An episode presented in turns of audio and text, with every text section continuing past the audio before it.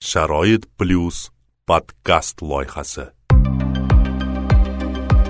Assalomu alaykum hurmatli tinglovchilar. Toshkent shahar sharoit plyus nogironlar jamoat birlashmasining rasmiy telegram kanalida an'anaga muvofiq bo'lib o'tuvchi sharoit plyus podkast loyihasini navbatdagi soniga xush kelibsizlar. Bugun albatta judayam dolzarb bir mavzuni ko'taryapmiz. Va e, bugungi e, mavzuyimiz shu nogironligi bo'lgan shaxslar uchun fuqarolar uchun davlat tomonidan to'lanuvchi e, pensiyalar shu nafaqalar bo'yicha bo'ladi. Savollar albatta yig'ilgan umumlashtirib savollarni yig'ib hammasini jamlab qo'yganmiz. Va bugungi mehmonimiz uchtepa tumani byudjetdan tashqari shu pensiya jamg'armasini e, mutaxassisi lobar opa bugun bizni savollarimizga javob beradilar va e, demak albatta boshlasak ham bo'ladi. Lobar opa assalomu alaykum. Assalomu alaykum. E, xush kelibsiz. Albatta vaqtingizni ayamasdan bilamiz. O'sha mutaxassisni qidirish jarayonida bildikki ayniqsa mana bu hozir barcha ma'lumotlarni bazaga e, elektron shaklda e, joylash jarayonlari qizg'in davom etayotgan bir vaqtda siz va sizning e, hamkasblaringizni uyga ham borishga vaqtinglar bo'lmayotgan ekan. Buni albatta sizlarga rahmat deymiz. Shunchalik jonbozlik ko'rsatib mana shu el yurtda xizmatida bo'layotganingiz uchun. Demak birinchi savolni beraman. Mana avvallari boquvchisini yo'qotganlik to'g'risidagi pensiyalar berilar edi o'sha o'n sakkiz yoshgacha. Endi hozir e, shunaqa ma'lumotlar ijtimoiy tarmoqlarga sizdirilyaptiki agar ular o'qishni davom ettiradigan bo'lsa yigirma uch yoshgacha e, to'lanadi degan shunaqa bir e, uzuq yuluq gaplar deyman. Man har doim bunaqa gaplarni chunki ijtimoiy tarmoqlarda bunaqa yengilliklarni berishni bilishadiyu lekin asosini qaysi qaror qaysi normativ hujjatni e, qaysi bir moddasiga asosan shu amalga oshirilishi to'g'risida hech qanaqa bir ma'lumotni ilova qilib ketishmaydida. E, shuning uchun agar imkoni bo'lsa endi o'sha kelajagimiz farzandlarimiz mana shu e, boquvchisini yo'qotgan yoshlar masalasidagi o'sha shu savolimizga javob berishdan boshlasak. Marhamat. Yana bir bora assalomu alaykum. Rahmat bizani qo'llab quvvatlaganingiz uchun. To'g'ri mehnatimiz ozgina og'ir lekin juda yam savobli. Hozirgi kunda boquvchisini yo'qotganlik nafaqasini olish e, yoshi yigirma uch yoshgacha uzaytirildi. E, qonunchilikka kiritilgan o'zgartirishga o'zgartirishlarga ko'ra endi o'quvchilar va talabalar o'qishi davomida yigirma uch yoshgacha boquvchisini yo'qotganlik nafaqasini olishlari mumkin. Avvalda bu qonun o'zbekiston davlat davlat pensiya ta'minoti to'g'risidagi qonunning qirq to'qqizinchi moddasida belgilanishicha faqatgina o'n sakkiz yoshgacha deb belgilangan edi. Hozirgi kunda e, prezidentimizning to'qqizinchi fevral kuni e, fuqarolarning va tadbirkorlik subyektlarini huquqlarini kafolatlarini yanada kuchaytirilishi munosabati bilan e, o'zbekiston respublikasini ayrim qonun hujjatlariga o'zgartirish va qo'shimchalar kiritish to'g'risidagi yetti yuz ellik ikkinchi sonli qonunda o'zgartirish bo'ldi. Bunda to'g'ridan to'g'ri e, o'n sakkiz yoshgacha boquvchini yo'qotganlik pensiya oluvchilar endi hozir yigirma uch yoshgacha e, pensiya olish huquqi ularda paydo bo'ldi. Bu tartib shunday amalga oshiriladi. Ya'ni e, o'quvchilar e, nima o'qish joylaridan ma'lumotnoma qog'oz tartibida avval olib kelishardi endi hozirgi kunda bu bunga zaruriyat yo'q elektron tartibda amalga oshirilib borilmoqda mm, o'zi birinchi avgust holatiga ular agarda nima olib kelsa o'sha elektron tartibga ulangan bo'lishsa biza avtomatik tarzda pensiya jamg'armasi xodimlari ularga pensiya tayinlash shartlarini o'zgartirib to'lovni davom ettiramiz hozirgi kunda to'g'ri to'g'ri ta'kidladingiz. Judayam jonbozlik bilan xodimlarimiz e, ishlarni olib borishyapti.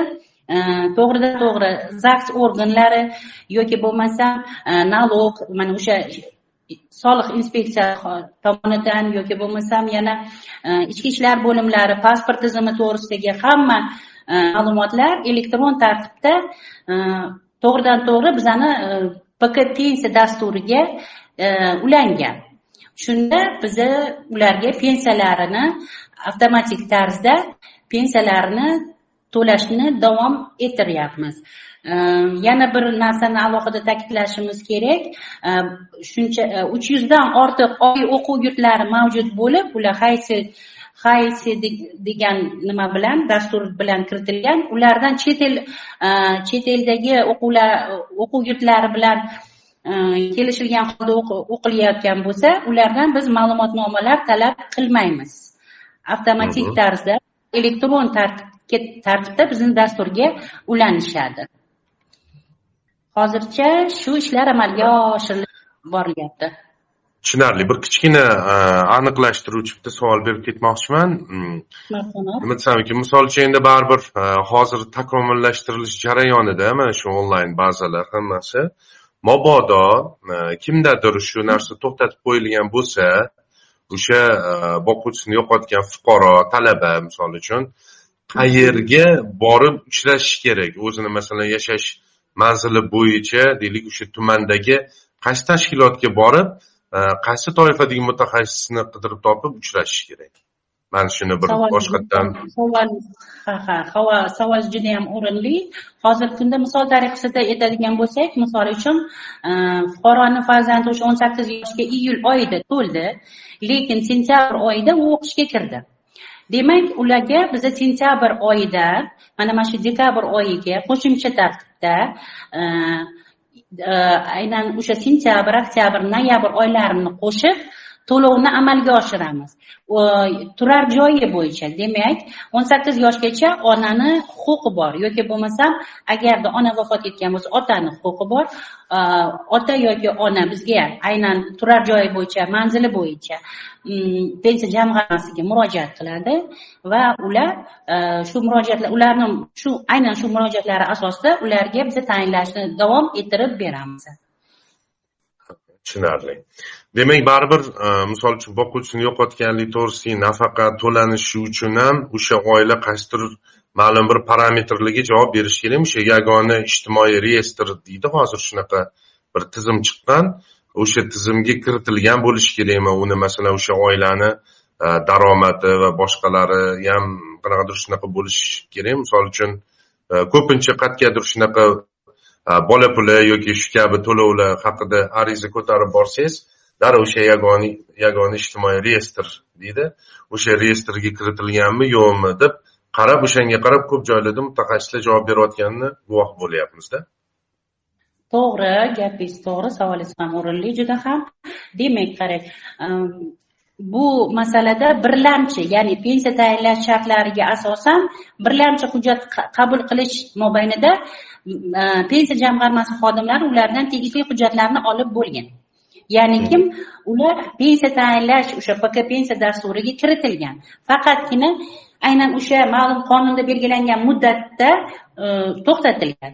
Shu to'lovni davom ettirish uchun ulardan hech qanday hujjat talab qilinmaydi. Yuqorida aytib aytib o'tganimizdek faqatgina mm, o'sha ma'lumotnoma olib kelinadi.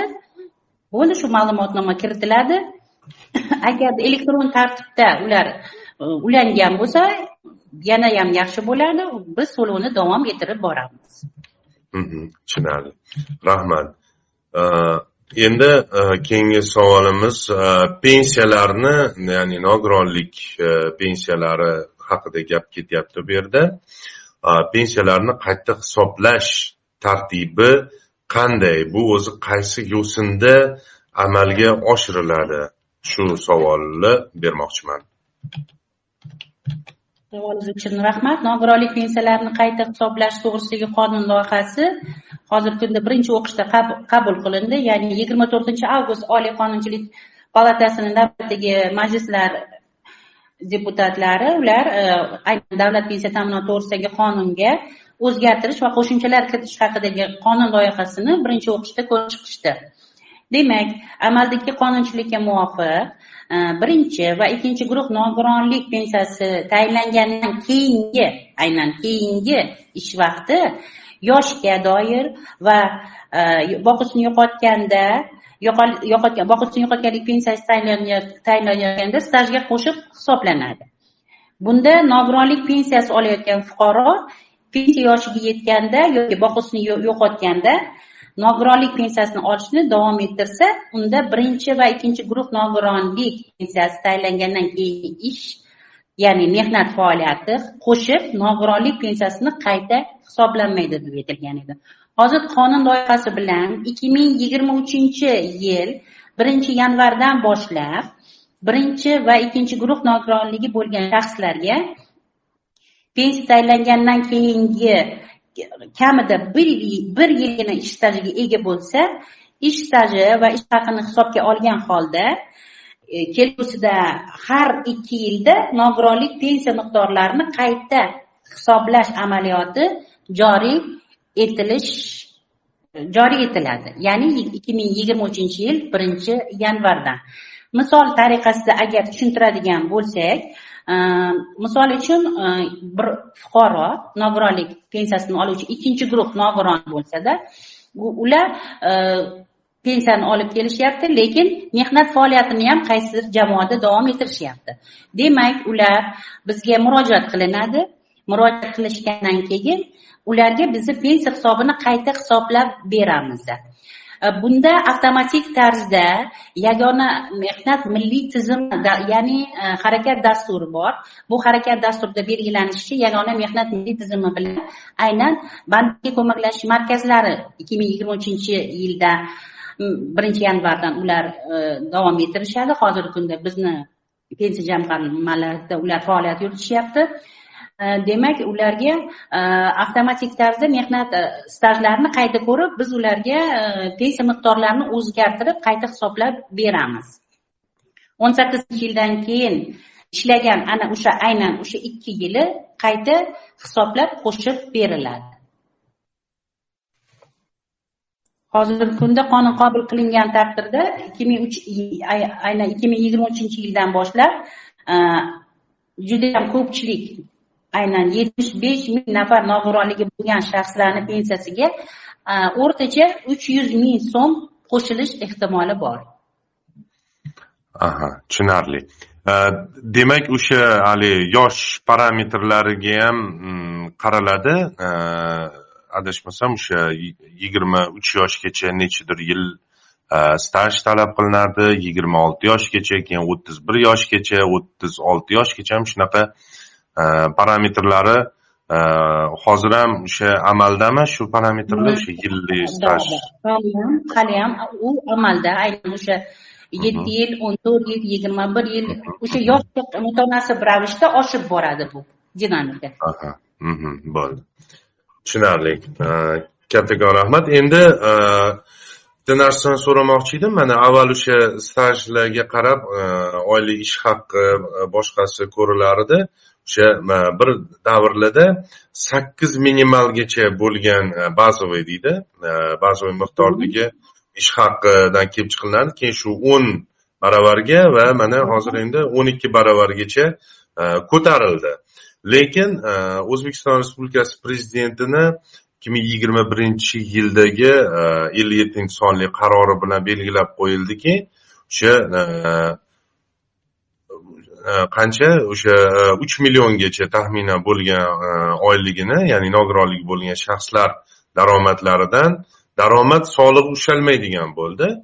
E, bilishimcha mana bu tizim o'sha to'langan soliqlardan kelib chiqib o'sha daromadini hisoblab shu pensiyani hisoblaydi deb endi o'ylaymiz. Endi mantiqan baribir nimadirga asoslanib e, onlayn baza baribir tekshirish kerakda daromadni misol uchun bu to'lanmagan e, soliqlar bilan e, qilingan daromadlar qanaqa qilib hisobga olinadi? Misol uchun mana ko'pgina nogironligi bo'lgan o'qituvchilarni bilaman o'rtacha ular shu ikki yarim milliondan uch milliongacha oylik olishadi va bu o'sha prezident qaroridagi o'sha o'n nima deydi? Uch milliongacha bo'lgan o'sha ish haqiga kiradi. Shunaqa vaqtlarda qanaqa yo'l tutiladi? Aynan o'sha uch million o'n baravargacha deganimizda biza o'rtacha oylik ish haqini o'n baravarini ko'zda tutamiz. Kelgusida ikki ming yigirma uchinchi yil birinchi yanvardan boshlab aynan o'n ikki baravariga oshiriladi. Ushbu nima? Ko'rsatkich shunda uch million ikki yuz ellik so'mdan yana ikkita minimal qo'shiladigan bo'lsa unda e, u ko'rsatkich yanada ko'tarilish ehtimoli bor. Aha. Lekin o'sha to'lanmagan e, soliqliq to'sqinlik qilmaydimi? Shuni ko'proq oydinlashtirmoqchiman. Chunki ko'p savollar kelganki mana o'qituvchilar biza deydi daromad solig'i to'lamayapmizku. Biz перерасчет qilayotganda anaqa qilib e, noto'g'ri bo'lmaydimi bu qanaqadir o'sha e, tizimdagi bir e, kamchilik bo'lib qolmaydimi degan savollarni berib kelishyaptida. Shuni ko'proq oydinlashtirish maqsadida so'rayapman. Yo'q hech qanaqa qiyinchilik tug'ilmaydi. Agarda daromad solig'i to'lanmaydi lekin ijtimoiy sug'urta badallari to'langan bo'lsa bunda biz buni e'tiborga olgan holda pensiya miqdorini oshirib beramiz aha tushunarli. Rahmat. Endi e, keyingi savolimiz e, fuqarolarni o'zini o'zi band qilish to'g'risidagi e, qarorni asos qilib avvallari o'sha o'zini o'zi band qilganlik to'g'risida o'sha soliq inspeksiyasiga borib soliqlarni to'lab o'sha necha foiz endi o'n ikki foizmi shunaqa soliqlarni to'lab turib nima deydi pensiyalarni qayta hisoblash tartibi bo'lgan ekan. Endi man to'g'risini aytsam bundan o'zim unchalik to'liq xabardor emas edim hozir endi o'sha bitta minimal darajadagi o'sha soliqqa to'lab turib deydi staj haligi nima deydi qo'pol aytganda sotib olishdek gapda endi baribir bu soliq inspeksiyasiga borsangizda oyiga bitta minimalkadan to'lov qilib turib o'zingizga staj yozdirsangiz bu albatta qanaqadir sal e, soyali bir narsaga o'xshaydi. E, shuni ketidan ham ko'pchilik o'sha o'ziga e, pensiyalarni boshqadan rasmiylashtirgan anchagina gap so'zlar ham ko'tarilgan juda katta mojarolarni ham guvohi bo'ldik. Hozirgi kunda bu jarayon to'xtatilganmi yoki qanaqadir bir tartibga solindimi? Mana shunaqa o'zini o'zi band qilish orqali pensiyasini qayta hisoblash. Savolingiz juda yam o'rinli. Hozirgi kunda vazirlar mahkamasini ikki ming yigirmanchi yil yigirma uchinchi dekabrdagi sakkiz oltinchi sonli qarori mavjud bo'lib e, shu qaror asosida o'zini o'zi band qilgan shaxs sifatida faoliyatni amalga oshirish tartibi to'g'risida nizom ham ishlab chiqilgan. Bunda o'zini o'zi band qilgan shaxs e, maxsus mobil ilova yoki soliq to'lovchini shaxsiy kabineti orqali yoxud yoki bo'lmasam davlat soliq xizmati organlariga murojaat qilgan holda ro'yxatdan o'tishlari mumkin. Bunda to'g'ridan to'g'ri mm, bitta minimal ya'ni hozirgi kunda uch yuz ming miqdorda bitta minimal miqdorda mablag'ni to'lov mablag' to'lovini amalga oshiriladi va ular e, o'zlarida bir yillik mehnat stajiga ega bo'ladilar. Hozirgi kunda bu tartib hali e, bekor qilinganicha yo'q hali ham amalda. Demak misol tariqasida agar sizga aytib o'tadigan bo'lsak e, bir ayol besh yil ishlagan. Lekin pensiya yoshiga yetib bo'ldi mehnat staji hozirgi kunda amaldagi qonunchilik yana shu qonunga yuklanamiz. E, yetti yil talab qilinadi lekin ularga ikki yil mehnat staji yetmaydi. Demak ular e, noyabr oyidan ya'ni noyabr oyidan noyabr oyigacha bu soliq yili. Aynan ana shu soliq yili mobaynida ular to'lovni amalga oshirishadi. Demak yana bir yildan keyin aynan shu davrda yana pulni e, o'sha mablag'ni to'lab ikki yil mehnat stajiga ega bo'lishadi. Bu tartib hali bekor bo'lganicha yo'q. Hali ham biza misol uchun aynan pensiya jamg'armasi pensiya jamg'armasi misolida ko'radigan bo'lsak judayam ko'pchilik aynan shu tartibda pensiya tayinlash shartlarini biz ularga pensiya tayinlab to'lovni amalga oshirib bermoqdamiz. Ha tushunarli. Endi qarang bu yerda bu yerda qarang bitta oydinlashtiruvchi savol bermoqchi edim demak o'sha bitta minimal bazaviy miqdordagi mablag'ni to'lov qilsa bu oyigada shunda to'g'rimi bir oy uchun bo'ladimi yo'q yo'q yo'q oyiga emas bir yilga bir marotaba uch yuz ming so'm bir yilga bir bo'ldi bo'ldi tushunarli bu faqatgina yil stajiga ta'sir o'tkaza oladi u qanaqadir mana buncha mablag' e, daromad qilgan va pensiyasini miqdori ko'proq bo'lishi kerak degan ta'sir bo'lmaydi. Faqatgina o'sha e, stajini haligi kerakli limitga yetkazib olish uchun e, shunaqa bir mexanizm demak amalda hozir ham. Amalda? Tushunarli. Endi ozgina sal boshqacharoq yo'nalishda savol bermoqchiman. O'zbekiston respublikasi judayam Э, qulay geosiyosiy bir e, e, joyda joylashgan ya'ni e, ko'z tegmasin yurtimiz tinch va atrofdagi o'sha qo'shni mamlakatlar bilan ham judayam diplomatik bir kayfiyatda va judayam yaxshi sharoitlarga ega bo'lgan. Ya'ni tinch hayot kechirish uchun qulay mamlakatlar ro'yxatiga kirganmiz. Shuni so'ramoqchimanki endi dunyoda yuz berayotgan e, ayrim mm, sabablarga ko'ra mdh davlatlaridan o'zbekistonga e, ko'chib keluvchi fuqarolar soni keskin oshib ketdi.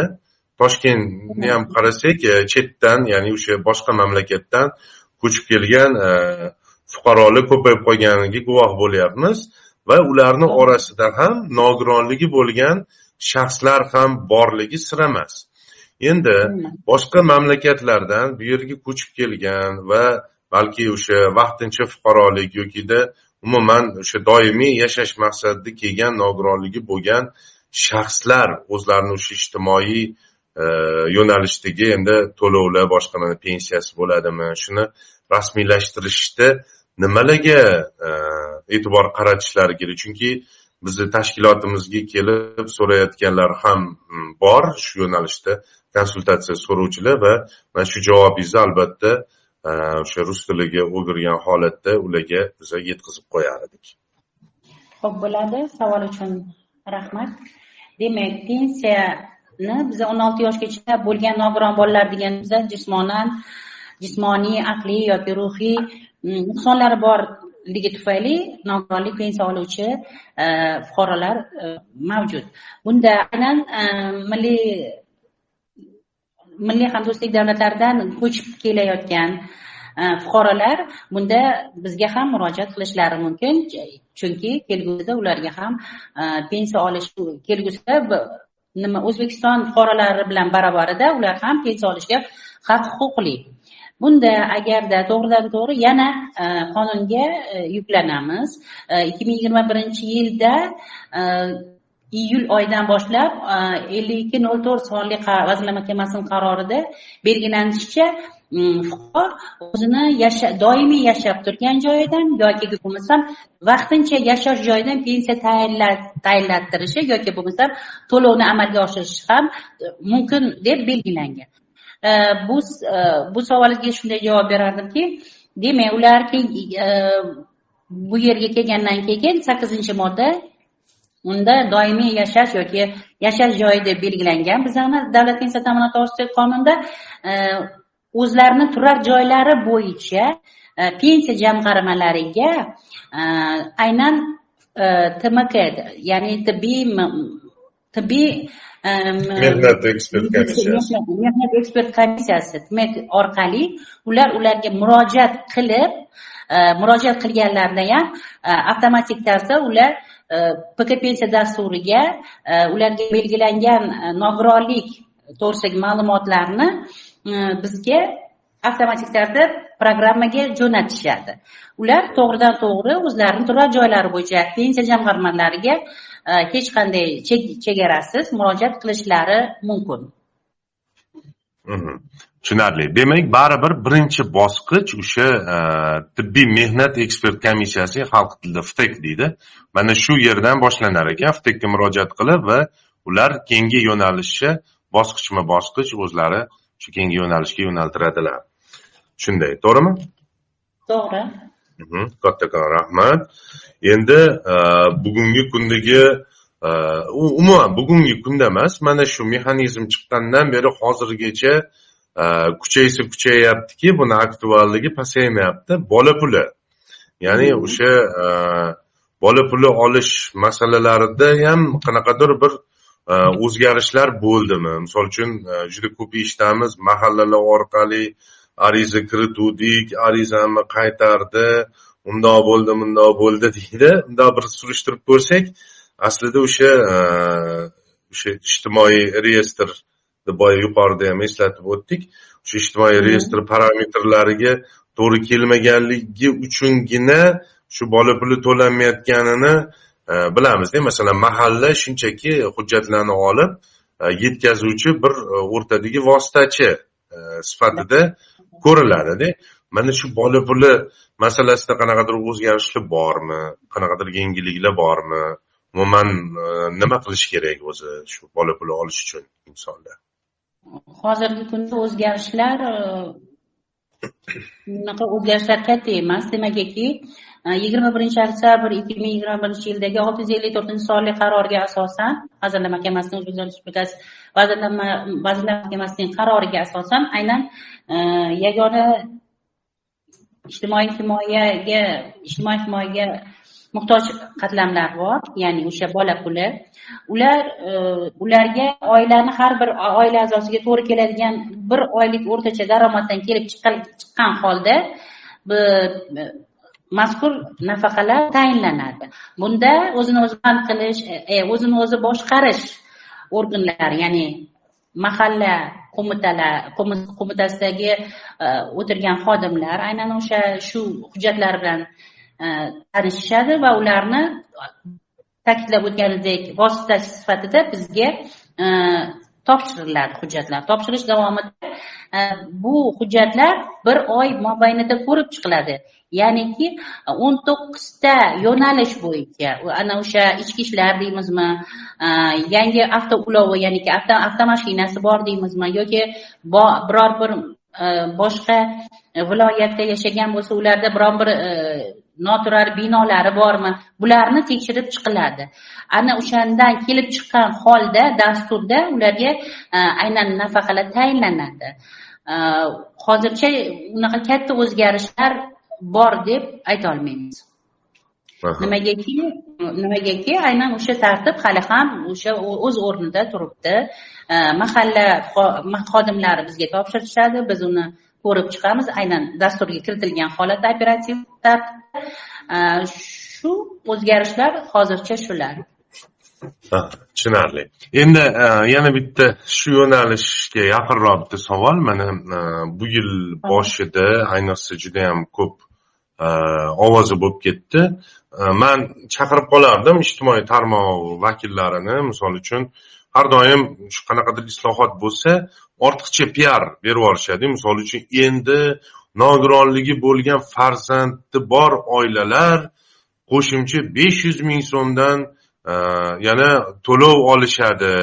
O'sha o'n sakkiz yoshgacha farzandi bo'lsa deb turib yozishadiyu lekin qo'shimcha masalan o'sha parametrlarni yana yozmasdan turib ortiqcha piar ya'ni o'sha qanaqadir xuddi go'yoki bir vazirlik yoki qanaqadir tashkilotlar buyurtmasi bilan bu reklamani chiqargandek bo'lib qoladi. Lekin bu yerda xalq birinchi boshqacha xursand bo'ladiyu lekin e, o'sha e, mexanizmga parametrga javob bermaganligi sababli rad etilsa darrov qanaqadir bir e, ruhiy tushkunlikka tushib qolishadida mana shu nogironligi bor farzandlarga ega ota onalar masalan o'sha qanaqadir o'sha besh yuz ming so'mdan to'lanishi to'g'risida bu yil yanvardami martdami shunaqa bir xabar chiqqan edida mana shu to'g'risida ham bir fikr bildira olasizmi o'zi sizlarni yo'nalishinglarga kiradimi bu? Bizni yo'nalishga kiradi aynan demak bu nima deydi? O'zgalar yordamiga muhtoj bo'lsa ona yoki ota e, nogiron farzandni o'n sakkiz yoshgacha tarbiyalayotgan bo'lsa u o'zgalar yordamiga muhtoj bo'lsa ma'lum bir e, o'n yettita o'n sakkizta e, kategoriya bor aynan kategoriya aynan kasallik turlari. Aynan kasallik turlariga maqbul to'g'ri keladigan bo'lsa buni yagona ijtimoiy himoya yagona darcha orqali ular davlat yagona xizmati chilari orqali avtomatik tarzda bolaga mm, qarab turganlik. Aynan besh yuz mingdan to'lovni amalga oshirishimiz uchun e, bizga avtomatik tarzda pk pensiya dasturiga ular e, jo'natishadi. Bunda ulardan hech narsa talab qilinmaydi. Faqatgina aynan yuqorida aynan yuqorida aytib o'tganimizdek tmek xulosasiga ko'ra e, ular nogiron deb belgilangan va o'zgalar yordamiga muhtoj bo'lsa ularga besh yuz mingdan to'lov amalga oshirilib boradi. Bu tartib ikki ming yigirma ikkinchi yildan kuchga kirgan aha tushunarli. Kattakon rahmat. Endi tinglovchilarimizga bitta kichkina eslatma qilib ketmoqchi edim. Agar e, tinglovchilarimizni ham savollari bo'lsa biz ularga ham qo'ldan kelgancha e, lobar opa bilan birgalikda savollarga javob berishga harakat qilamiz. O'sha e, telegramda qo'l ko'tarish tugmachasi bor. Ya'ni gapirish uchun mikrofonni yoqish tugmachasini bitta bossangiz qo'l ko'tariladi. Va hozir oxirgi o'zimni oxirgi savolimni berishimdan oldin buni ataylab eslatib qo'yapman. Bizda ko'rinadi o'sha qo'l ko'tarilganligi. O'sha qo'lni tushirmay turinglar imkon qadar tartib bilan birin ketin navbat berishga harakat qilamiz. Taxminan yigirma daqiqa savollarni qabul qilishga harakat qilamiz. O'zi bugun suhbatimiz biroz kech boshlandi va shu yuqorida aytib o'tganimizdek pensiya E, jamg'armalarida ishlayotgan e, mana shu mutaxassislarimiz opalarimizni akalarimizni vaqtlari judayam chegaralangan. O'shaning uchun taxminan bir e, uchta to'rtta savol buguncha qabul qilamiz. Lekin keyinchalik nasib bo'lsa biz orqali o'zingizni savollaringizni yana berishingiz mumkin bo'lishi belgilab qo'yiladi xudo xohlasa. Endi so'nggi savol shunaqaki pensiya e, bo'yicha mana shu tayinlanishi yoki ijtimoiy mana shunaqa to'lovlarni tayinlanishi bo'yicha qanaqadir muammolarga duch kelinsa misol uchun chunki chekka hududlarda bo'lishi mumkin. Endi poytaxtimizda ancha yaxshilashib qoldi bu narsa. E, chekka hududlarda ko'pincha o'sha mutaxassislar ham mm, haligi nima deydi rad javobini berib yuborishadi tekshirib ham o'tirmasdan ko'p shu huquqlarni tiklanishida qatnashganmiz biza ham. E, o'sha bir shikoyatnoma bo'lishi mumkin yoki qo'shimcha konsultatsiyalarni qaysi o'sha ishonch raqamlariga masalan mana bilamiz adashmasam o'n bir qirq raqami orqali shunaqa e, murojaatlarni ham yuborish mumkin. Qanaqadir yana qo'shimcha ishonch raqamlari yokida o'sha qaysi tashkilotlarga murojaat qilish mumkin bo'ladi yuqori turuvchi. O'shalar bilan bir tanishtirib o'tsangiz. Mhm. hozirgi kunda aynan avvalgi yil bilan solishtirganda fuqarolarni murojaatlari ancha kamaygan. E, chunki bizda e, vaqti vaqti bilan aynan jadval asosida pensiya jamg'armalari xodimlari tomonidan to'g'ridan to'g'ri mahallalarga chiqib e, ular fuqarolarni qiziqtiradigan savollarga javob berish maqsadida uchrashuvlar sayyor uchrashuvlar majlislar o'tkazilib borilmoqda. Bunda o'n bir qirqda murojaat qilishlari mumkin. Fuqarolar murojaati to'g'risida qonunga asosan ular yozma tartibda bizga murojaat qilishlari mumkin. Belgilangan muddatda biz ularga javob javoblarni amaldagi qonunchilik asosida javob berishga harakat qilamiz. Bu bunday murojaatlarni kamaytirishga ham hozirgi kunda harakat qilib bormoqdamiz. Kattakon rahmat endi tinglovchilarimizdan savollarni qabul qilamiz. Agar eslatma qilib o'tmoqchi edim misol uchun shaxsiy qanaqadir individual savol bo'ladigan bo'lsa u savollarga aynan mana shu lahzani o'zida javob berish imkoni bo'lmasa ham lekin biz shu savolni olib qolib keyinchalik o'sha javobni yetkazib qo'yishga harakat qilamiz murod egamovga mikrofon tutamiz marhamat murod rahmat ulug'bek assalomu alaykum. Barchaga ulug'bek assalomu alaykum. Sizga ham lobar opa assalomu alaykum. Yaxshimisiz? Xayrli kun. qarang lobar opa manda savol shundaki man bolaligimdan ya'ni tug'ma nogironligim borda. O'n olti o'n olti yoshgacha man uchinchi guruh nogironligi olib kelaman. Ya'ni nima deydi o'sha o'shangacha yuz ming so'm pensiya olardim lekin qolganlar endi bir nima edi endi bilmadim qancha olardi keyin oradan vaqt o'tib mani umrbodlikka o'tkazayotgan paytimda shaharga yo'llanma bergan man toshkent viloyatidanman o'zim toshkent shaharga yo'llanma berilgandan keyin mani shahardagilar medosmotrni o'tkazgandan keyin manga aytishdiki seni kim bunday qilib tashxis qo'ydi senga bunaqa tashxis qo'ydi. Axir sen birinchi guruh nogironisanku shunga shunga ko'zdan bilinib turibdiku deb qaysi ahmoq bu ishni qildi deb aytishgan edi. Va toshkent shahardan keyin toshkent viloyatga anaqa qildi. Manimcha tanbeh berdi o'xshaydi va nimalardir qildi. Mani birinchi guruhga o'tkazildi. Lekin hozirgi kunda man hozirgi kunda mana birinchi guruh nogironiman lekin shunda ham boshqa birinchi guruh nogironligida bo'lgan shaxslar bilan pensiyam bir xil emas men ular mendan ko'proq oladi buni to'g'rilasa bo'ladimi bo'lmaydimi mehnat stajiga oldindan rahmat uchun yo'q yo'q men hali nima edi man sharoit plyus a'zoman xolos nmtda a'zoman xolos xolos. Demak mehnat stajiga ega emassiz? Birinchi guruh nogironligi pensiya tayinlash shartlari umuman o'zgacha. Demak siz bolalikdan nogironlik uchinchi guruh nogironlarga bu qat'iy miqdor belgilangan. Mehnat stajiga ega bo'lmasa ularga qat'iy miqdor. Pensiya miqdoringiz qanchani tashkil etadi? Sir bo'lmasa murodjon hozirgi kunda pensiyangiz qanchani tashkil etyapti?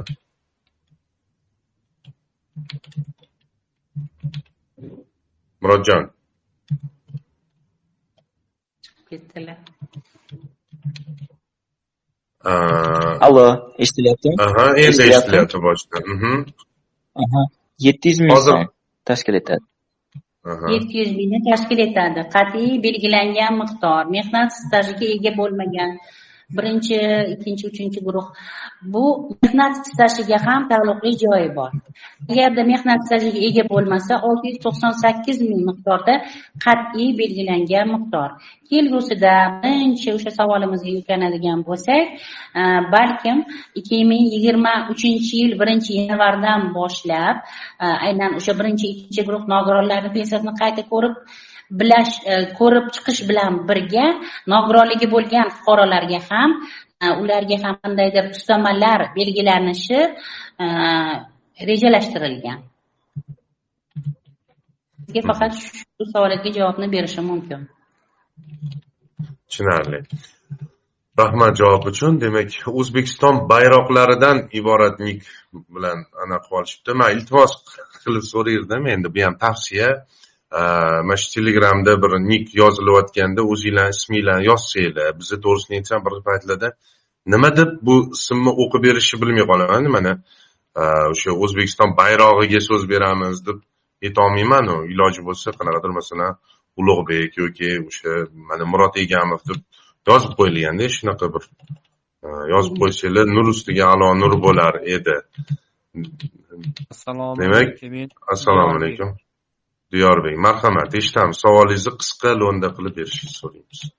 Men o'ttiz yoshdan o'tganman mehnat stajiga ega emasman. Harbiy xizmatda xizmat qilganman. Shu stajim o'tgan. Hozirgi kunda ana shu stajimga masalan to'lov qilib staj qo'shsam bo'ladimi opadan so'ramoqchi edim oldindan rahmat. To'xtang to'xtang. nogironlikka egamisiz hozir? Ha birinchi guruh nogironi ha birinchi guruh nogironi aha marhamat keyin orttirganmanda hayot davomida. Ha tushunarli rahmat ho'p birinchi guruh nogironiman mehnat stajiga agar ega bo'lsangiz uni qayta ko'rib chiqish ehtimoli bor. Ikki ming yigirma uchinchi yil birinchi yanvarda siz agarda ishlagan bo'lsangiz sizni pensiyangiz qayta ko'rib chiqiladi va miqdor o'zgarish ehtimoli bor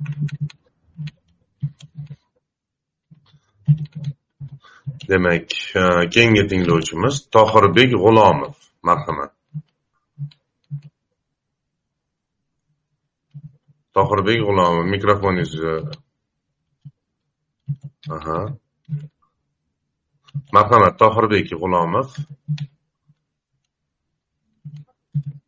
Assalomu alaykum. Assalomu alaykum. Mani ham savolim mana shu akanikiga o'xshagan edi qisman savolimga javob ham oldim o'sha mani ham o'sha uch yil stajim bor ikkinchi guruh nogironiman shu holatda qanaqa qilib pensiyaga qo'shimcha qo'shilsa bo'ladi degan savol javob bermoqchi edim. hozir? Mhm. deyarli oldimu masalan hozirgi kunni o'zida qanaqa qilib masalan qayerga murojaat qilishimiz kerak? Yo avtomatik tarzda o'sha narsalar hisob kitob qilinadimi? Yoki o'sha bunaqamiz stajimizni olib borishimiz kerakmi sabizlarga Mhm. Rahmat. Siz ishlaganmisiz mehnat faoliyati yuritganmisiz? Ha ikki ming o'n to'qqizinchi yildan beri bolalikdan ikkinchi guruh nogironiman namangan davlat yoshsiz? hozir o'ttiz yosh. Mhm. ishlayapsizmi? Mhm, hozirda ham ishlayman ha agar ishlasangiz ana yana o'sha savolingizga javob. Ikki ming yigirma uchinchi yildan to'g'ridan to'g'ri siz o'zizni yashab turish yashash manzilingiz bo'yicha pensiya jamg'armasiga murojaat qilishingiz mumkin. Avtomatik tarzda yagona mehnat milliy tizimiga hozir korxonada vakolat berilgan har bir korxonani xodimlar bo'yicha mutaxassislari tomonidan avtomatik tarzda ularni har bir xodimga belgilangan mehnat stajlari to'g'risida belgilarni e, o'zlarining kalitlari bilan kiritib borishmoqda. Mehnat daftarchasini e, yuritish ikki ming yigirma uchinchi yil birinchi yanvardan bir o'rinda aytib o'tish kerak. Bir o'rinda e, mehnat daftarchalarini yuritish ham bekor qilinadi. Bunda biz onlayn tartibda ya'ni e, elektron tartibda mehnat daftarchalari yuritiladi. Rahmat kattakon javob uchun demak keyingi so'zni runiy degan nik bilan kirgan tinglovchimizga beramiz. Marhamat. Runiy runiy marhamat. Mikrofoningizni yoqishingiz mumkin.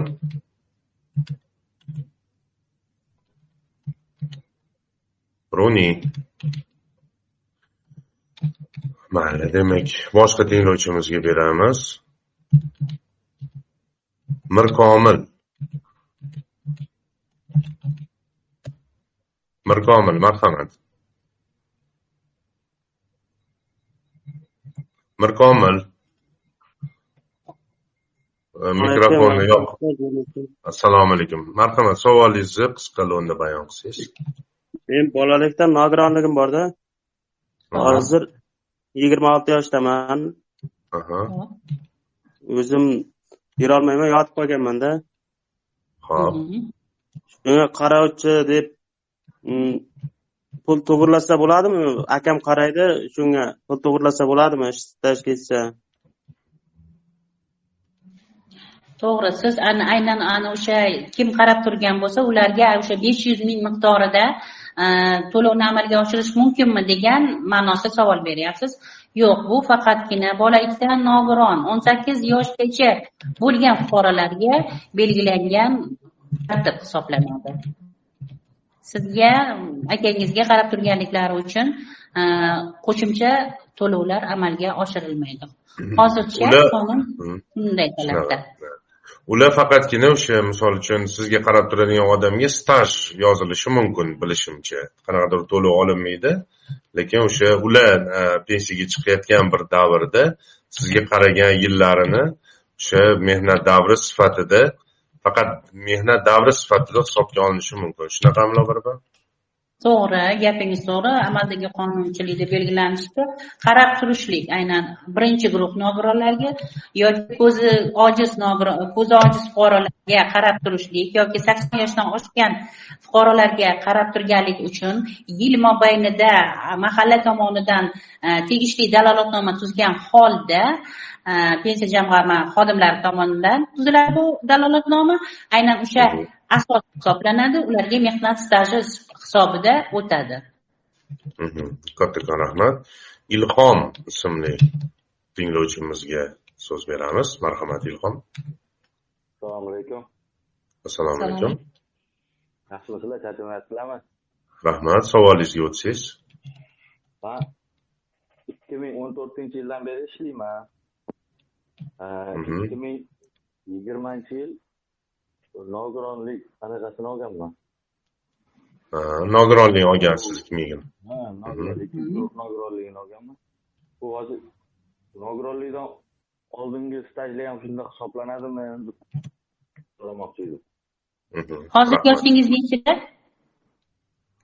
yigirma to'qqizda yigirma to'qqiz yosh nogironlik ikki ming o'n to'rtinchi yilda belgilangan to'g'rimi yo ikki ming yigirmada belgilangan ekan ikki ming yigirma to'rtdan boshlab ishlab kelar ekanlar o'zi ikki ming yigirma to'rtdan ishlamoqda yo ikki ming o'n to'rtdan boshlab ishlaydi ekanlar ikki ming yigirmanchi yil nogironlik belgilanibdi. Yo'q bu pensiya tayinlash e, vaqt mobaynida sizga aynan e, o'sha belgilangan mehnat stajingiz asosida pensiya tayinlangan. Ular hisobga olingan bo'lishi kerak. Bu masala yuzasidan siz e, to'g'ridan to'g'ri pensiya jamg'armasiga murojaat qilishingiz mumkin Э, ular pensiya э, ishini ishida taqiqlangan aynan hujjatlar bilan tanishgan holatda sizga javob berishadi. Mhm. Tushunarli. Rahmat kattakon endi e, shavkat yarmuhammedov e, savol bermoqchi ekanlar. Marhamat. Hozir. Chiqib ketibdilar texnik o'zi internetda ham juda anaqa. Muzaffar po'latovga hozircha so'z beramiz. Allo allo assalomu alaykum. Ulug'bek? Ha ha shu marhamat. Assalomu alaykum ulug'bek yaxshimisiz? Assalomu lobar opa assalomu alaykum. Rahmat kattakon vaqt ajratib. O'sha bizani savolimizga javob berganingiz uchun yaqinda э, bizani davlatimiz rahbariyati tomonidan yangi э, qarorga э, qo'l qo'yilgan ya'ni ishlaydigan nogiron bu nogironligi bo'lgan shaxs har ikki yilda pensiyani перерасчет qilishi mumkin degan e, o'sha loyiha chiqdi. Birinchi savolim e, bu e, qachondan boshlanadi? Bu ixtiyoriy yoki majburiy? И oxirgi savolim o'zbekistonda bugungi kunda o'sha nogironlik pensiyasini maksimum o'sha maksimum qancha hozir? O'shani bilmoqchi edik rahmat kattakon rahmat. Salomat bo'ling. Demak suhbatimiz boshida aytib o'tganimizdek loyihasi ikki ming yigirma uchinchi yil birinchi yanvardan boshlab birinchi va ikkinchi guruh nogironligi bo'lgan shaxslarga pensiya tayinlangandan keyin ham e, bir yil mehnat stajiga ega bo'lishsa ularga pensiya hisob pensiya miqdorlari qayta hisoblab qayta hisoblab beriladi. E, Kelgusida esa har ikki yilda nogironlik pensiya miqdorlari e, qayta hisoblash amaliyoti joriy etildi.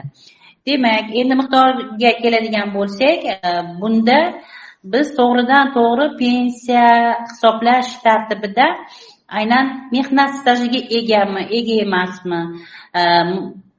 Yoki oylik ish haqlari olganmi yo'qmi?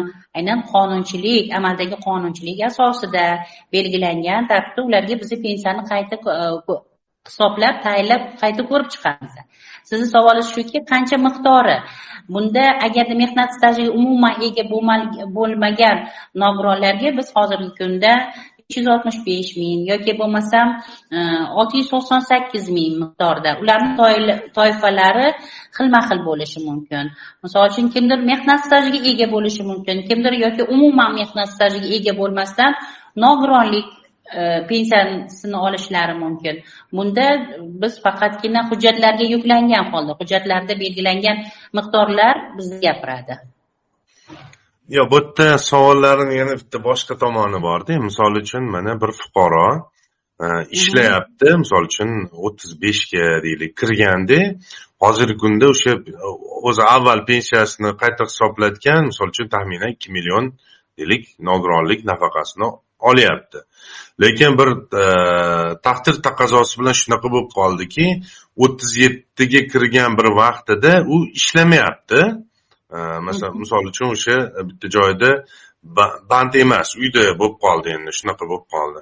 O'shanda avtomatik holatda pensiyasi qayta hisoblanib o'sha kamaytiriladimi yoki bu o'sha fuqaroni nogironligi bo'lgan shaxs o'zini arizasi bilangina faqat amalga oshiriladimi yo'qmi degan savol yotibdi buni tagida ha arizasi agarda bor bo'lsa ularni pensiya e, to'lovlari davom etaveradi. Hech qanaqa o'zgarishsiz. Nimagaki birlamchi hujjat qanday asosda topshirilgan bo'lsa hozirgi kunda e, aynan ana o'sha pensiya miqdori o'zgartirilmagan holda albatta e, davlat pensiya davlat nimasini qaroriga asosan prezident farmoniga asosan biz balkim ularni qayta ko'rib chiqishimiz mumkin. Proporsional tartibda ya'ni indeksatsiya qilingan holatda pensiyani umumiy ukaz umumiy farmon beriladi ana o'shanda qayta ko'rib pensiya miqdorlari o'zgarishi mumkin yoki bo'lmasam ular qo'shimcha hujjat topshirishlari mumkin qo'shimcha hujjat deganda yana o'sha savol aynan aynan e, mehnat staji qo'shilishi mumkin oylik miqdorlari o'zgarishi mumkin. Ularni qo'shimcha olib kelsa biz ularni pensiya miqdorlarini qayta ko'rib chiqib beramiz. Ha oldinlari bu shunchaki просто haligi nima deydi pozitiv ruhda qarash kerak bunga. Demak shunchaki ko'pchilik o'ylab qoldiki endi man ishimni yo'qotib qo'ysam keyin avtomatik holatda ba'zi qayta hisoblamani pensiyamni kamaytirib qo'yadimi yo'qmi degan savollar ham ko'p bo'ldida. Man endi E, E, ko'pincha javob berdimki yo'q manimcha u ikki yilda har ikki yilda hisoblash ham baribir o'ziz ariza bersangizgina ular hisoblashi mumkin. Yoki misol uchun mana sakkiz minimalkadan o'n baravarga oshirildi o'n baravardan o'n ikki baravarga oshirilyaptida masalan. O'shanaqa vaqtlarda avtomatik qayta hisoblanishi mumkin. U sizni o'zingizni foydangizga bo'ladi. Lekin mana bu ikki yilda bir martalik ham faqatgina o'zingizni arizangiz bilan qayta hisoblanadi degan o'sha endi mantiqan fikrlab shunaqa fikr etdimda chunki e, o'sha ko'proq e, nima deydi foydaliroq deyman fuqarolarimizga shu joyini o'ylayotganlar ham bor. To'g'ri to'g'ri. Rahmat. Muzaffar po'latov qo'l ko'targan ekanlar. Man o'ylaymanki oxirgi tinglovchimiz e, shu tinglovchimizni savollariga javob bergandan keyin albatta bugungi podkastimizni yakunlaymiz Marhamat, Muzaffar Po'latov, mikrofon. Assalomu alaykum. Allohu baraka. Assalomu alaykum hurmatli boshlovchi. Albatta bu podkast juda ham bir foydali bo'lyapti keng auditoriyaga. Biz hozir jamoa bilan o'tiruvdik. Jamoadoshimizdan bitta savol bor ekan, o'shaning uchun hozir qo'l ko'tarish tugmasini bosuvdik. Zilola savol berdi. Marhamat. Assalomu alaykum hammaga. Mani savolim shundan iborat ediki masalan man to'rt yil universitet tugatdimda keyin orada besh yil mehnat shu stajim bor ya'ni ikki yil judayam tarbiyachilik lavozimida ishlaganim uchun oyligim judayam past chiqqan. Lekin qolgan uch yili yaxshi summada bo'lgan o'sha o'rtacha summada bo'lgan. Lekin hozir mana besh yildan keyin man magistraturada hozir o'qiyapmanda. Man hozir savolim necha yil staj manga qabul qilinadi masalan universitet paytidagilar olinadimi yo keyin shunaqa hisoblash bazasi bo'yicha mana birinchi ikkinchi yilim oyligi past bo'lganligi uchun manga haligi pul qo'shilayotganda kam bo'lishi ehtimoli bormi shularni bilmoqchi edim yoshingiz nechida hozir sizni o'ttiz birda ha o'ttiz bir yoshda ekanlar savol uchun rahmat to'g'ri. Bu hammani qiziqtiradigan savol. Kunduzgi bo'lim. Oliy o'quv yurtida o'qigan kunduzgi bo'lim. Besh yil yoki magistratura yoki bakalavriat. U qanday tur bo'lishidan qat'iy nazar birinchi savolingiz u hisobga olinadi. Endi oxirgi o'n yillik ketma ketligida aynan e, fuqaroning xohishiga ko'ra oxirgi o'n yillikni istalgan fuqaroning xohishiga ko'ra yana ta'kidlab o'taman. Besh yillik e, ishlagan ish vaqti aynan oylik ish haqlari hisobga olinadi. Hozirgi qonun talabi hozirgi kunda shu qonun e, amalda. Siz hali yosh ekansiz o'ttiz bir yoshda hali sizga pensiyaga chiqishga yana ozgincha vaqtingiz bor. Yo'q bularni nogironliklari bor. Bular qayta hisoblash haqida gap ketyapti nogironliklar demak ularga nogironliklar qachon belgilangan ularga tayinlangan bolalikdanmi bolalikdan bolalikdan ekan bolalikdan nogiron to'g'rimi ikki ming ikki ming yigirma uchinchi yil birinchi yanvardan boshlab albatta bu davr talabi hozirgi kunda ikki ming o'sha birinchi yanvardan boshlab sizni pensiyangiz qayta ko'rib chiqiladi. Aynan siz uchun afzallik miqdor jihatidan afzal tarafi belgilanadi sizga pensiya tayinlashda. Qayta ko'rib chiqish davrida ham aynan afzallik tarafini biz e'tiborga olamiz. Pensiya jamg'arma xodimlari bunda undan tashqari endi to'g'ri ozgina vaqtdan ozgina o'tib ketyapmiz. Yana bitta savol bor edi. ha boshida ya'ni gaplashdik bu mavzuda. Deylik ikki million mana to'rt yuz ming oylik olyapmiz lekin o'sha daromad solig'i to'lanmayapti. Bu yerda qanaqadir ijtimoiy sug'urta haqida gap ketdi. O'shanisini sal tushunmay qoldik agar imkoni bo'lsa tushuntirib bersangiz. Ijtimoiy sug'urta deb bu termin shu shunga bog'liqki aynan oylik olganda sug'urta badallari to'lash to'langandagina biz ular pensiya hisoblash vaqtida uni hisobga olamiz. Sug'urta shu termin shunday tushuntiriladi. U ba'zida ko'rinadi ijtimoiy sug'urta. O'sha agar daromad sifatida to'langan lekin daromad solig'i ushalmagan to'lovlar uchun ham baribir o'sha ijtimoiy sug'urta to'lanadi. U tashkilot tomonidan o'zi o'tkazib yuboriladi endi bitta oxirgi o'zim endi o'zim ham tinglovchiman ham boshlovchi bo'lganligim bilan ham bitta savol berib o'tmoqchi edim. Misol uchun ko'pchilik so'raydi mana staji bor misol uchun deylik yaxshigina staji bor. o'n ikki yil misol uchun staji bor yoshi o'ttiz ikkida. Unga misol uchun yetti yil o'sha minimal staj talab qilinadi. Tushunishimcha to'g'rimi? To'g'ri Э, yetti yil э, talab qilinadigan bo'lsa lekin э, misol uchun avvalgi yillarda misol uchun o'n ikki yillik staj bo'lgani bilan e, o'sha e, o'n ikki yil ichida o'n yilida ish haqi pastroq bo'lgan lekin o'sha bir yilida yoki ikki yilida ish haqi baland bo'lgan oralig'larda qat'iy ish haqi baland bo'lgan. O'shani pensiyasini e, hisoblayotganda nogironlik bo'lgan shaxs pensiyasini hisoblayotganda eng baland chiqqan oyligini olib o'shandan hisoblab beriladi degan qanaqadir formulalar to'g'risida ham bir mish mishlar yuradida. Shuni hisoblab chiqish formulalari usullari agar ular bir nechta xil bo'ladigan bo'lsa o'shalar to'g'risida ozgina qisqacha ma'lumot berib ketsangiz. O'sha ellik besh foiz olinadi deydi ortiqcha yillar uchun bir foizdan yana har bir yil uchun qo'shiladi deydi. Hech kim bir shuni aniq e, bilolmayaptida. Endi siz mutaxassis bo'lganingiz uchun sizdan shuni so'ramoqchi edik.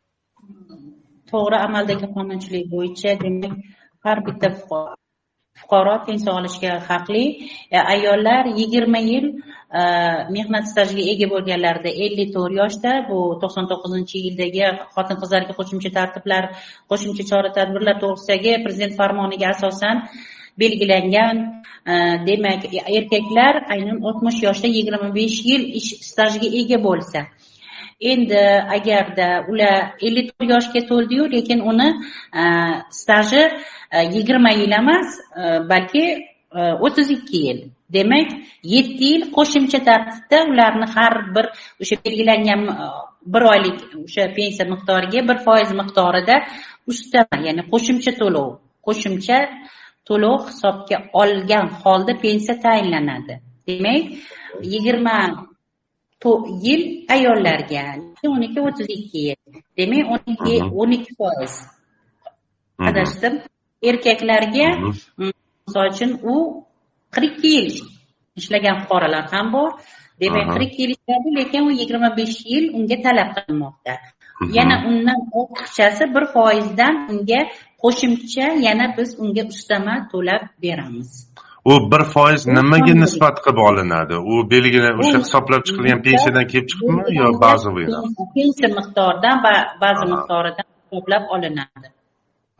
Tushunarli. A nogironligi bo'lgan shaxslardachi nogironlik bo'lgan shaxslarda ham xuddi shunday bir xil tartib endi o'shani savol ichidagi bitta kichkina savol. Misol uchun o'sha o'n ikki yil ichidagi to'lovlar borku mana ish haqqi o'shani ichidan eng ko'p olgan oylik olgan oyini olib ham hisoblash mumkinmi yo bunaqa mexanizm yo'qmi? Faqatgina mexanizm aynan qonun talabi oxirgi o'n yillik qat'iy belgilangan. Yo'q yo'q o'sha mana nogironlik bo'lgan shaxs o'zi nogironlik pensiyasini qayta hisoblash uchun bordida shunchaki biz eshitganmiz shunaqa narsani haligi endi nogironligi bo'lgan shaxslar daromadlari ko'pincha stabil bo'lmaydida. Sababi endi turli to'siqlar bor turli kamsizligi uzilishlar bo'ladi boshqa bo'ladi. Misol uchun deylik mana bitta fuqaroda o'zi staji bor o'n yil misol uchun staji bor lekin yetti yil talab qilinadi. Ikki yildan beri ishlamayapti misol uchun. Lekin hujjatini qilib olib bordi. O'sha yerda shunchaki aytishgandi o'sha o'n yillik stajingni ichidagi eng yaxshi oyligingni olib hisoblab beradi yoki eng oxirgi oyda olgan daromadingni masalan olib hisoblab berishi mumkin degan joylari ham borda. O'sha ellik besh foizni olib keyin ustiga o'sha qo'shimcha yillardan e, bir foizlik qo'shimchalarni qilib qilib hisoblab beriladi degan mexanizm borda. Yoki u noto'g'ri gap misol uchun o'sha hamma olingan daromadlarni summasini birlashtirib talab etilgan. Misol uchun besh yillik staj talab qilinsa o'n ikkiga ya'ni o'sha oyma oyga bo'lib shunaqa qilib hisoblanadimi qanaqa hisoblanadi o'zi. Yo'q u mexanizm siz aytgan mexanizm noto'g'ri aynan oxirgi o'n yillik oxirgi o'n yillik miqdordan kelib chiqqan holda ularga biz pensiyani qayta ko'rib chiqamiz. Endi bu davr talabi yigirma uchinchi yil birinchi ikki ming yigirma uchinchi yil birinchi yanvardan bu qonunga yana menimcha o'zgartirishlar kiritiladi. Hali mexanizmlar hali e'lon qilinmagan demak shunaqami? Hali mexanizm bu tartib bo'yicha mexanizmlar hali endi ma'qullandi yaqindagina. Demak yana o'zgarishlar hali oldinda tushunarli. Kattakon rahmat. Demak e, lobar opa suhbatimiz o'z nihoyasiga yetib boryapti. Qimmatli vaqtingizni ayamasdan e, bizga vaqt ajratganingiz uchun minnatdorchilik bildiramiz. Va e, suhbatimiz so'ngida sizni bizni tinglab turgan tinglovchilarimizga yurtdoshlarimizga tilaklaringiz bo'lsa bemalol bildirishingiz mumkin. Marhamat. Tilaklarim judayam ko'p. Har bir insonga man faqatgina sog'lik tilayman. Aytadiyu biz e, qariyalar bilan qariyalar bilan ishlaymiz nogironlar bilan ishlaymiz. Kelgan fuqarolarni duosini oling.